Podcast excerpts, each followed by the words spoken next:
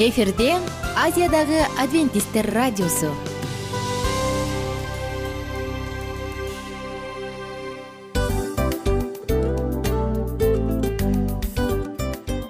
Достор салют. Баардык сүйүктүү угармандарыбызга салам айтабыз. Кутман күнүңүздөр менен. Ден соолук өмүрдүн булагы демекчи саламат саамы программасында баарыңыздарды көргөнүбүзгө абдан кубанычтабыз. Анда алгач амандашып өтөлү арбаңыздар деп. Ден соолугуңуздар кандай элибизде көбүнчө ден соолук кандай дегенде эле жакшы деп жооп беребиз э? ооруп турсак дагы жакшы дейбиз. Анан мен муну айтып ойлойт элем бул абдан сонун сөз депчи анткени бул жакшы деген үмүт да э баары жакшы болот баары сонун. Деп үмүттөнүп атып эле өзүбүздү өзүбүз дарылап коебуз.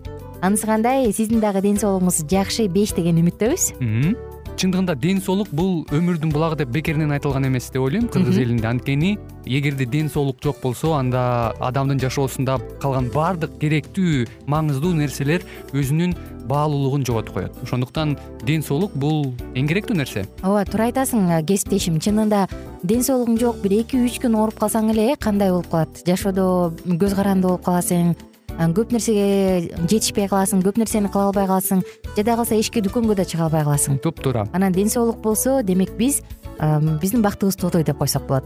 Анда достор саламат саамы рубрикабызды баштайлы. Алдыда өзүңүзгө керектүү болгон сонун кеңештерди уга аласыздар. Мына ошондуктан биз менен бирге болуңуздар. Ал эми биз болсо милан жана айнура. Кеттик алга. Алга саламат саама ден соолуктун жарчысы. Саламат саама ден соолуктун ачкычы. Күн сайын сиз үчүн мыкты кеңештер сонун жаңылыктар кызыктуу фактылар. Биздин рубрикада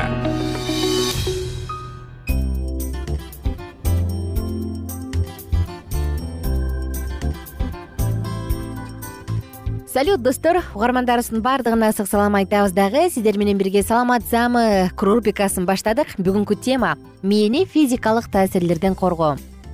Менин бир жакшы таанышым бар. Ал бир күнү алты жаштагы баласы менен эшиктин алдындагы ойночу площадкада сейилдеп ойноп жатып анан баласы бир аз темирге башын уруп алыптыр ал менин таанышым аябай чоочуп коркуп ии мээси силкилдеп калды го деп анан баласын дароо эле жаткырып коет бала уктап атканда анын уктоочу бөлмөсүнө бир нече жолу кирип ойготуп балам атың ким? деп сурайт да. Анан дагы бир жолу ошентип киргенде бала чекесине кагазга жазып туруп менин атым артем деп жазып туруп анан чаптап коюптур албетте достор бул күлкүлүү окуя болгону менен бирок чынында мээни травма кылып алыш өтө эле оңой. Мээ ушунчалык бекем аябай жакшы корголгон болсо дагы бирок аны баары бир силкилдетип алуу козгоп алуу оп оңой эле турат. Биздин мээ башка органдардан укмуш корголгон. Бирок ошентсе дагы элестетип көрүңүз он миң адамдын эки жүзү баары бир деле жыл сайын мээсине травма алып турат экен. Анан бул тенденция тилекке каршы өсүүгө жөндөмдүү. Азыр албетте күн сайын бул нерсе өсүп жаткан учуру. Мээни физикалык ар кандай жагдайлардан кантип коргосок болот?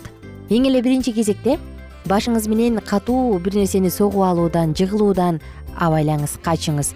Анан эгерде улам улам башыңыз менен бир нерсени сүзүп ала турган болсоңуз же улам жыгыла турган болсоңуз анда бул баш мээге сөзсүз түрдө терс залакасын тийгизип келет. Башын менен бир нерсени катуу урунуп же катуу соккуга туш болгон адамдар бир нече саат эс тутумун жоготуп койгондор карыган учурда эс э, тутумун жоготконго бир топ жакын бир топ коркунучтун алдында турушат. Элестетип көрүңүз. Анан кайсы бир изилдөө мындай жыйынтыкка келген. Сууга сүзгөн жана чуркаган адамдар футболисттерге караганда өздөрүнүн баягы тең теңтайлаш балдары болсо дагы дейт. Аларга караганда баары бир эс тутумун бир топ жакшы сактап калышат дейт. Бул эмне менен түшүндүрүлөт? Футболисттер албетте көп учурда баш мээсинин травмасын алып келишет. Андан сырткары достор бокс сыяктуу спорттун түрлөрү бар эмеспи булар дагы мээнин функциясынын терс жаман иштешине абдан чоң кедерги жаратышат. Негизи санап отурсаң мээни кантип уруп алса болот башты кантип мындай коркунуч туудурса болот десең санап санап түгөтө албайсың э. Авария велосипедден жыгылуу бир нерсеге катуу урунуу басып бара жатып тоголонуп кетүү деген сыяктуу травмалар абдан көп. Мунун баардыгын тең микро микро жараттардын баардыгы абдан көп. Бирок ошентсе дагы достор баары бир мээни туура сактаганга аракет кылыш керек. Жана анан анан эгерде кандайдыр бир катуу урунуп уруна турган болсок мээнин сосуддарынын каптарында шишик же болбосо кан уюу бар боло турган болсо анда сөзсүз түрдө ал жакшы азыктана албай баштайт. Эми болсо андан аркысын айталы достор кээде биз жөн гана бир жерге башыбыз менен урунуп алдык. Бирок убагында көңүл бурбай койгон нерсе акырындан адамдын баш мээсинин кан басымынын жогорулашы менен баш оору менен көз көрүүнүн начарлашы менен дагы кошо коштолуп калышы мүмкүн. Баш ооруп же болбосо мээге сотрясение деп коет эмеспизби силкинүү алганын кантип сезсек болот? Бирден бир белгиси. Бул баш ооруу бир же бир нече жолу кайталанган кусуу баш айлануу жана кыска убакытка эс тутумду жоготуп коюу. Ай өзүмдү жоготуп коюп турмун деп коет эмеспизби? Эгерде ушунун баардыгы барбы же ушунун бири барбы анда абайлаңыз. Кээде жөн гана э, квартираны ремонттоп жатып тазалап оңдоп жыйнап жатып жыгылып кеттиң. Карасаң баары жакшы. Эми тынчсызданбай эле коюш керекпи? Жок тынчсызданыш керек. Андан кийин бир нече сааттар өткөндөн кийин өзүңүздү чарчаңкы сезип жатсаңыз демек достор муну чарчаңкылыкка деп жазбаңыз. Демек бунда сиздин мээңиз бир аз болсо дагы сокку алып калды. Абайлаңыз эгерде сизди көбүрөөк тери басып атса телевизордун күйүп турганы ачууланса жарык свет лампочканын күйүп турганы сиздин кыжырыңызды келтирип атса уктай албай атсаңыз демек мунун баардыгын тең көңүл бурбай калтырып койбоңуз. Демек бул кадимки нормадан бир аз жылып кеттиңиз улам улам жаракат ала берип анан кийин ачуу тамырын оргондон көрө убагында эле көңүл буруп дароо травматологко же доктурга барып койгон жакшы. Мындай идеалдуу вариант албетте достор сиздин көп нерседен алдын алып коет. Эгерде доктурга барууну чечсеңиз анда травпунктка барыңыз рентгенден өтөсүзбү узиден өтөсүзбү сиздин баш сөөгүңүздүн баардыгын алар бир сыйра карап көрөт дагы силкинүү алгансызбы? Же алган эмессизби мунун баардыгын карап берет. Андан сырткары достор ошол тез жардам келгенчекти төшөктөн турбай эле жатыш керек. Төшөктөн туруп ары бери басуунун кереги жок. Адам өзгөчө кузган болсо кузбаса деле өтө эле жалпак жаздык жазданып анан жатканы жакшы. Бул сиздин көп нерсеге жардам берет. Ошондой эле достор бир аз э, бир жери менен урунуп алган болсоңуз анда морозильникте тоңдурулган азык түлүктүн бир нерсесин алыңыз дагы кадимки полотенцага ороп анан өзүңүзгө компресс жасаңыз. Бул көгөрүп калуудан сактайт доктур келип сизди караганчакты жөн гана ооруну сездирбөөчү каражаттарды дары дармектерди ичпеңиз. Бул сиздин абалыңызды маска менен жаап коет дагы чыныгы абалыңыз кандай болуп атканын жана өсүп жаткан симптомдордун баардыгын тең жаап коюшу мүмкүн. Бир аз мээ чайкалып калса дагы эки үч суткага чейин төшөктө жаткан жакшы. Эң эле жакшы дары мындай учурда. Бекем уйку ошондуктан валериана пустырник менен кошо ар кандай чайларды жасап ичиңиз. Бөлмөдө өтө жарык кылбай терезе пардаларды же жалюзилерди улообу жаап койгонго аракет кылыңыз. Кечкисин кечки лампочканы күйгүзбөстөн жөн гана светильникти күйгүзүп коюңуз. Анан телевизор көрбөгөнгө аракет кылыңыз компьютердун маңдайында отурбаңыз көп окубаганга аракет кылыңыз. Мунун баардыгы тең сиздин абалыңызды оорлотуп коюшу мүмкүн доктурга барып көрүнгөндөн кийин доктур сизге атайы зара кубалоочу препараттарды жазып берет. Мунун баардыгы тең албетте жакшы жардам берет. Мындай учурда кофе чай ичпей эле койгонуңуз жакшы эң эле жакшы вариант бул минерал суусундугу анан сүт азыктарына карата диета кылып коюңуз.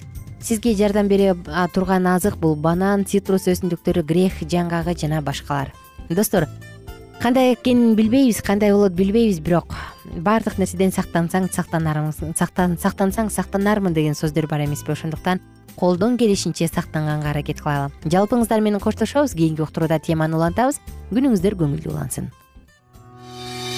Саламат саама ден соолуктун жарчысы. Саламат саама ден соолуктун ачкычы. Күн сайын сиз үчүн мыкты кеңештер сонун жаңылыктар кызыктуу фактылар. Биздин рубрикада салют замандаштар баарыңыздарга ысык салам.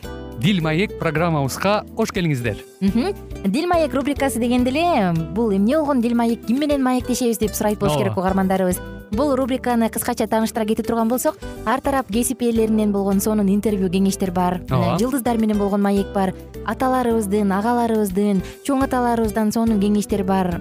Ошондой эле эже сиңдилердин кеңештери бар айтор. Баардык кызыктардын баары алдыда. Негизи эле адам баласы бир кимдир бирөөнө ишенип сырын ачкысы келет эмеспи э мындай баарлашууга жакын келебиз го. Албетте. Негизи бир жерге отуруп алып кенен шашпай баягы жүрөктөн жүрөккө ачып сырларыбызды ар кандай көйгөйлөрүбүз менен бөлүшүп баягы чын жүрөктөн маек курганды кимибиз сүйбөйбүз э? Ооба десең ал нерсеге суусап да келебиз да. Ооба кээ бирде адамга чындыгында баягы э, ысык маек баягы жылуу маек жетишпейт да. Ошондуктан биз ушул рубриканы ойлоп тапканыбызда эң биринчи эле достор сиздер менен чын жүрөктөн бир маңыздуу темаларды козгоп кеткени э, кааладык. Ошондуктан ушундай сонун бир рубриканы тартуулап жатабыз. Анын үстүнө радио дагы сонун дос да анткени э, мындай учурда досуңа айтсаң досуң досуна айтат досу досуна айтат да анан бүт өлкө билип калышы мүмкүн го. А радио болсо сени сатпаган сенин айыбыңды ачпаган сенин сырыңды эч кимге айтпаган сонун дос. Ошондуктан биздин алдыдагы айта турган кеңештерибизди биздин досторубуздун кеңештерин угуп анан ал жака пикириңизди дагы калтырып кайрадан биз менен байланышсаңыздар болот. Деги эле жашооңузга эгерде кичине болсо дагы өзгөрүү алып моралдык жактан нравовдук жактан сонун бир кеңештерди алсаңыз демек биз максатыбызга жеттик. Ооба. Чыңгыз атабыз улуу жазуучу э, чыңгыз айтматов айткандай адам болуу бул күнүмдүк процесс экен. Күн сайын адам бойдон калуу бул адамзатка эң эле кыйын дейт э? э эң кыйын дейт. Чындыгында бунун э, негизинде адамдын эң баягы сапаттуулугу адамдын адамгерчилиги жана көптөгөн керектүү нерселер. Мына ошол темалар дагы бизде э, ушул дил маекте биз аларды да козгойбуз. Э, ден соолук жөнүндө да сүйлөшөбүз. Сөзсүз түрдө анан милан мырза негизи айтып коюшат го. Э, биз көбүнчө эмнени ойлонсок ошол нерсеге карата иш кылабыз го ооба. Анан анысы кандай? Балким бул радио баракчада кимдир бирөөнүн оюн текшергенге жардам берет кимдир бирөөнүн жүрөгүн текшергенге жардам берет. Балким кимдир бирөөгө жашоонун маңызын тапканга жардам берет айтор кызыктын баары алдыда бул жөн гана кыскача жарнама анда угармандарыбыздын баардыгын кийинки рубрикабызга чакырабыз. Ал эми кызматта маңдайымда отурган кесиптешим милан жана мен айнура. Анда эмесе биз даярдаган терең терең ойлор менен таанышууга кеттик. Алыс алыс баралык. Анда эмесе достор биз менен бирге болуңуздар. Алдыда эң кызыктуу маалыматтардын баардыгы бир нече мүнөттөр бою жалгыз гана сизге арналат мына ошондуктан жакшы маанай менен угууну каалайбыз. Үн алышканча. Жөнөдүк. Ар түрдүү ардактуу кесип ээлеринен алтын сөздөр жүрөк ачышкан сыр чачышкан сонун маек дил маек рубрикасында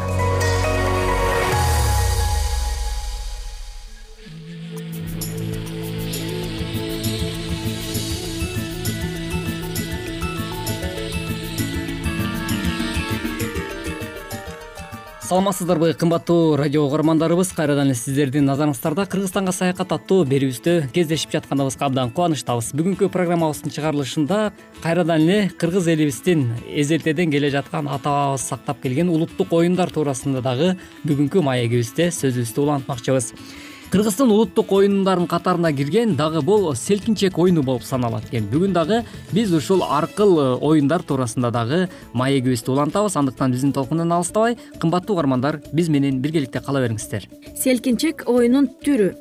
Айылдын четинде же ардактуу жерге арканды эки жанаша жыгачка же кыйгач өскөн дарактын бутагынан байлоо менен курулган. Бак дараксыз жерде селкинчектин ордуна алты бакан тебилген селкинчек көңүл ачуу үчүн салынган. Ыр бий же шайыр сөздөр менен коштолгон. Селкинчек жаш өспүрүмдөрдү шамдагайлыкка шайырдыкка көнүктүрүп денесин чымыр болушуна өбөлгө түзгөн мына ушинтип селкинчектин дагы ден соолукка дагы э, жакшы бир таасирин тийгизген жактары бар экен. Андыктан мына ушундай улуттук салттык оюндарды жашообузда колдонуп ойной турган болсок анда сиз өзүңүздүн саламаттыгыңызды чыңдаганга дагы кандайдыр бир жардам берген болот экенсиз. Андыктан ата бабадан келген ушундай улуттук оюндарды эсибизден чыгарбай ар дайым жашообузда колдоно жүрөлү деген тилек менен э, биз программабызды улантабыз. Ал эми дагы кандай улуттук оюндар бар деп турган болсоңуз анда бул шакек салмай оюну дагы кыргыздын улуттук оюндарынын катарына кирет экен. Шакек салмай шакек катмай шакек жашырмай кыргыздын элдик оюну. Көбүнчө улан кыздар ойношот. Оюнчулар эки алаканын бириктирип колун тизесине коюп тегерете отурушат. Оюн башталгандан кийин шакек салгандай түрү көрсөтүп отургандардын кыдырып чыгат. Чындыгында шакекти бир оюнчуга гана берет. Оюн андан ары эки түрдө уланат. Биринчиси шакек салган киши башка бир оюнчудан. Шакек кимде? деп сурайт. Эгер ал шакекти тапса катып отурган оюнчу таппаса өзү ырдап берет да оюнду андан ары улантат. Экинчиси шакек салган киши өз ордуна отуруп алтын шакек атып чык дегенде жашырган киши жанындагыларга карматпай тез ыргып туруп кетсе ал кезекти алып оюнду улантат. Эки жагынан бири кармап калса ал жазаланат да кайра ордуна отурат. Шакек салган оюнчу оюнду улантат. Бул дагы сонун кыргыздын кызыктуу оюндарынын катарына кирет. Ал эми мындан сырткары дагы кандай оюндар бар деп турган болсоңуз бул кыргыздын эң эле логикалык жактан адамды өнүктүрө турган тогуз коргоол оюну туурасында дагы айтып кетпесек болбос тогуз коргоол кыргыздын эң байыркы элдик оюндарынын бири. Кыргыз элинин көчмөн шартына жараша тогуз коргоол оюнунун тактысы көбүнчө чуңкурча казылып жерге жасалган. Кийин таш жыгач колдонула баштаган. Коргоочулар коргоолдон чоподон чөптүн уругунан жыгачтан жана башкалардан жасалган кыргыз эли байыртадан эле маданияттуу жана көңүлдүү дем алууга көңүл бөлүшкөн. Мындай көңүл ачуунун бири тогуз коргоол оюну болгон. Айылда айылдар арасында тогуз коргоол боюнча өз ара мелдештер уюштурулган. Жеңүүчүлөргө байге берилген ошентип тогуз коргоол оюну байыртадан кыргыз элинин улуттук оюну болуп кыргыз эли менен бирге кылымдар бою жашап келе жатат. Тогуз коргоол оюнун кыргыз эли сыяктуу казак эли да ойнойт. Алар тогуз кумалак деп аташат. Тогуз коргоол оюну аны ойноп жаткан адамдардын эсептөө ойлоо жөндөмдүүлүгүн өнүктүрөт. Оюну эки оюнчу ойнойт. Оюнга катышуучулардын жашы чектелбейт тогуз коргоол оюнунун максаты ар бир оюнчу же жаат мүмкүн болушунча көп коргоол алууга аракет жасайт. Оюндун акырында кайсы оюнчунун же жааттын упайлары көп болсо ошол оюнчу же жаат утат. Мындан сырткары дагы кыргыздын улуттук оюндарынын катарына бул албетте ат чабыш оюну дагы кирет. Ат чабыш кыргыз элинин эң маанилүү жана кызыктуу оюндарынан. Манас эпосунда да ат чабыш жөнүндө көп маалыматтар бар күлүк аттарды саяпкерлер таптайт. Чабылуучу аттын кандай күлүк экендигин алдын ала көрө билген сынчылар. Чабышка түшкөн аттардын сүрөөчүлөрү болот. Ат азыр көбүнчө айлампада кээде түз жолдо чабылат. Атты токулууда жайдакта чапса болот. Күлүктү минтип чапкан бала чабандес деп аталат. Мелдешке сегиз жаштан он төрт жаштагы уландар. Үч жаштан жогору баардык тукумдагы атты минип катыша алат ат бир миң эки жүз метрден элүү километрге чейин аралыкта чабылат. Ат чабышта жолду кыскартууга башка бирөөнүн атын камчы менен чабууга жолун тороого болбойт. Күлүктөрдүн алдыга чыгып келгендерине жараша жеңүүчүлөр аныкталып байге ыйгарылат. Эгер аттар бир нече кезекке бөлүнүп чабылса анда байге убакыт боюнча ээленген орду аныкталат ат чабышта күлүктүн алдыга чыгып келиши анын саяпкерине жана саяпкердин айтканына так аткарган чабандеске жараша болот. Ошондой эле кыргыздын дагы улуттук оюндарынын катарына кирген бул кыз куумай оюну дагы болуп саналат. Кыз куумай ат оюндарынын түрү. Белгилүү чектен кыз менен жигит кубалаша ат салышат. Адатта кыз мурдараак ат чаап жигит анын артынан кубалап жөнөйт. Кыз куумайдын максаты кыз жигитке жеткирбеш керек жигит болсо кызды кууп жетиш керек. Бул оюн тойлордо өткөрүлүп тамашалуу көрүнүшкө айланган. Кыз куумай оюнунун тарыхы никелик мамилелерге такалат. Кызды кууп жеткен жигит ага үйлөнүүгө тийиш болгон. Кийинки тарыхый баскычтарда түпкү мааниси өзгөрүлгөн. Дагы бир кыргызыбыздын улуттук оюндарынын катарына кирген бул оодарыш оюну дагы болуп саналган оодарыш ат оюндарынын бир түрү. Эки жаат тараптан бирдей киши атчан чыгышат да бири бирин аттан оодара тартып түшүрөт. Оодарышка күчтүү эптүү шамдагай жана чабандес киши түшкөн. Анын аты өмөктүү күчтүү кабелтең болушу зарыл. Оюнга катышкан адам бышык өтүк таар же булгары шым кийген. Белине кездеме кур байланат. Оодарышка катуу күч келери эске алынып кош басмайыл бышык куюшкан бекем күмөлдүрүк тагылып чоңураак жана катуураак бөктөрүнчөк эрдин артына байланат. Мына ушинтип кымбаттуу угармандарыбыз бүгүнкү уктуруубузда дагы сиздер кыргыздын улуттук оюндары туурасында дагы маегибизге э, орток болдуңуздар. Бүгүнкү уктуруубузга кубак төшөгөнүңүздөр үчүн ыраазычылык билгизүү менен биргеликте бизге бөлүнгөн убактыбыз дагы өз соңуна келип жетти. Эмки берүүбүздөн биз кайрадан эле сиздер менен дал ушул аба толкундан амандашканча сак саламатта болуңуз ар түрдүү ардактуу кесип ээлеринен алтын сөздөр жүрөк ачышкан сыр чачышкан сонун маек бил маек рубрикасында.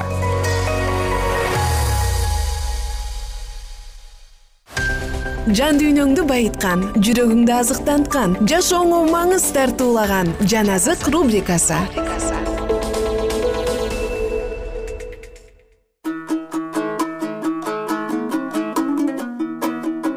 кутмандуу кушбак күнүңүздөр менен достор баардык угармандарыбызга ысык салам айтып биз андан ары программабызды улантабыз. Тыңдап жатканыңыз улуу күрөш китебинин уландысы асманга каршы күрөшүүгө кеңешчилерди табуу максатында шайтан адамдарды бир кезде периштелерди азгырган сыяктуу азгырып кетти. Шайтан жана анын периштелери дагы машаякты абдан жек көрүшкөн. Башка бардык суроолордо алардын көз караштары келишкен эмес ааламдын падышасы менен гана күрөшүү аларды бириктирип турган. Бирок шайтан аял менен анын анын тукуму менен аялдын тукумунун ортосундагы кастык болору жөнүндөгү кабарды укканда анын адамзатты бузуу аракеттеринен эч нерсе чыкпай калгандыгын жана адамдар эми ага карата каршылык көргөзө тургандыгы жөнүндө күч алардын түшүндү.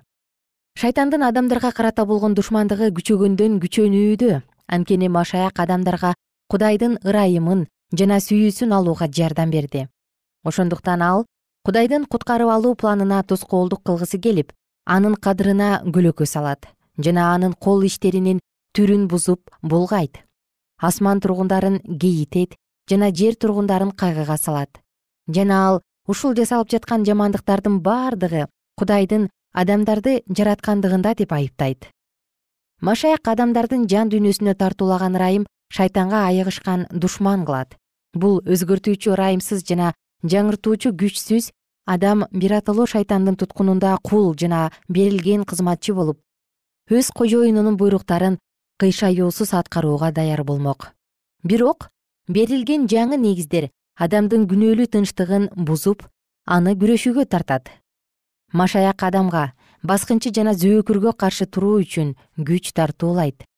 Жана ошондо гана адам күнөөгө болгон тартылуусун калтырып аны жек көрө баштайт. Башта кабыл алып алган кумарды жеңет ошону менен ал анда жогорку күч аракеттенип жаткандыгын көргөзөт. Машаяктын руху менен шайтандын рухунун ортосундагы келишпес карама каршылыктар машаякты дүйнө кандай кабыл алгандыгында өзгөчө ачык көрүнгөн. Ал бул дүйнөгө байлык менен келбегендигинен гана иудейлер аны кабыл албай койгон эмес. Алар бул көрүнө турган артыкчылыктарды жаап кое турган анда күч бар экендигин дагы көрүшкөн. Машаяктын тазалыгы жана айыктыгы мыйзамсыздардын көрө албастыгын жандырды. Анын өз керт башын ойлобогон жана кудайга болгон чексиз берилгендиги бул текебер жана атак даңкты сүйгөн калкка ар дайым жеме болуп турду. Бул нерселер кудайдын уулуна болгон душмандын мамилени туудурган. Адилетсиз адамдар менен шайтан жана анын шабырлары биригишкен. Баш тартуучулуктун бардык күчү жана кайраты чындыктын коргоочусуна каршы күрөшүүгө аттанган. Ошондой эле душмандык машаяктын жолоочуларынын арасында дагы көрүнүп турду. Күнөөнүн жийиркенич экендигин билип жана асмандын жардамы менен азгырыкка каршы күрөшүүгө аракет кылгандын бардыгы шайтандын жана анын жактоочуларынын ачуусун келтирет чындыктын таза негиздери болгон көрө албастык анын коргоочуларына карата уюштурулган куугунтуктоолор жана айыптоолор жер үстүндө күнөөкөрлөр жана күнөө болуп жаткан мезгилде улантыра берет. Машаяктын жолу жолдоочулары менен шайтандын кызматчыларынын ортосунда эч кандай келишимдүүлүк болушу мүмкүн эмес. Айкаш жыгачтагы азгыруулар бүгүнкү күндө токтоп калган жок. Ким ыйса машаякта такыба болуп жашагысы келсе баары куугунтукка алынат шайтандын жактоочулары кудайдын башкаруучулугуна каршы болгон. Өз бийликтерин жана падышалыгын бекемдеп чыңдоого ар дайым аракет кылып келүүдө. Бул үчүн алар машаяктын жолдоочуларын азгырып жана алардын кудайды таштап кетүүсүнө болгон аракеттерин жасашат. Алар өз жол башчысы сыяктанышып бул максатка жетиш үчүн ыйык жазууларды бурмалашып туура эмес талкуулашууда шайтан кудайды жамандагысы келгендей алар дагы кудай элини жамандаганга аракеттенишет. Машаякты өлтүргөндөрдү жетелеп келген ошол эле рух анын жолдоочуларын өлтүргөндөрдү кубатташат. Ушунун бардыгы алгачкы пайгамбарлыкта алдын ала айтылган. Жана сени менен аялдын ортосун кас кылам. Сенин тукумуң менен анын тукумун өч кылам бул пайгамбарлык акыркы мезгилдерге чейин созула берет. Мындай майдан үчүн шайтан бардык күчүн үрөп күрөшкө өзүнүн бардык аскерин салат. Эмне себептен ал чыныгы каршылыкты жолуктура албайт? Эмнеге машаяктын аскери мынчалык илең салаң көңүл кош? Анткени алар өз жаратылышында машаяктан алда канча алыс жана анын рухуна толгон эмес. Күнөө алар үчүн алардын теңирине болгон сыяктуу жийиркеничтүү жана жагымсыз болуп көрүнбөйт. Алар шайтанга машаяк көргөзгөндөй чечкиндүү жана туруктуу каршылык көргөзө албай жатышат. Алар жамандыктын өлтүрүүчү абалын жана күнөөнүн айлакердигин биле алышпай жатышат. Анткени караңгылыктын мырзасын таанууда жаңылышат. Шайтандын жасаган соккулары керектүү тоскоолдук ала элек. Анткени анын күчү жана айлакердиги жана машаякка жана анын жолдоочуларына каршы жасалып жаткан улуу майдан туурасында бизге толук маалым эмес. Азгырык жөнүндө көптөр өтө көптөр көп жаңылышат. Алар душмандын душманы бул өз периштелерине бийлик жүргүзгөн. Жана машаякка каршы адамдардын куткарылуусу үчүн ар кандай пландарды ойлоп тапкан белгилүү аскер башчысы экендигин билишпейт. Ишенген адамдар жада калса жакшы кабардын кызматчылары дагы шайтандын тымызын жасаган иштери жөнүндө аз айтышып кээде гана аларды эскере кетишет. Алар анын ар дайым жасап жаткан иштерин жана ийгиликтерин күбөлөндүрүүнү көңүлүнө алышпай жатышат жана адамдар анын көп сандаган айлакер иштерине маани беришпестен жана анын бар экендигине дагы кабатыр болушпастан калышууда. Адамдар анын иштерин билбестик менен жүргөн мезгилде бул каардуу душман алардын ар бир кадамында аңдуу салат. Ал алардын үй бүлөлүк жашоосуна кийлигишет аны бардык шаар көчөлөрүнөн жолуктурууга болот. Ансыз сыйынуу чогулуштары мамлекеттик кеңештер соттук чечимдер өткөрүлбөйт. Ал бардык жерге кийлигишип турат адамдарды чуулганга салып жолдон чыгарат жанды дагы денени дагы талкалайт үй бүлөнү бузуп жана көрө албастык туудурат кастык эрегишүүчүлүк козголоңчулук жана өлүм алып келет. Ал эми ишенген адамдар ушунун бардыгын боло турган нерселер катары кабыл алышып мунун бардыгы кудай аркылуу бешенеге жазылып калган деп эсептешет. Кымбаттуу досум уктуруубузду кийинки жолу улантабыз. Биз менен бирге болуңуздар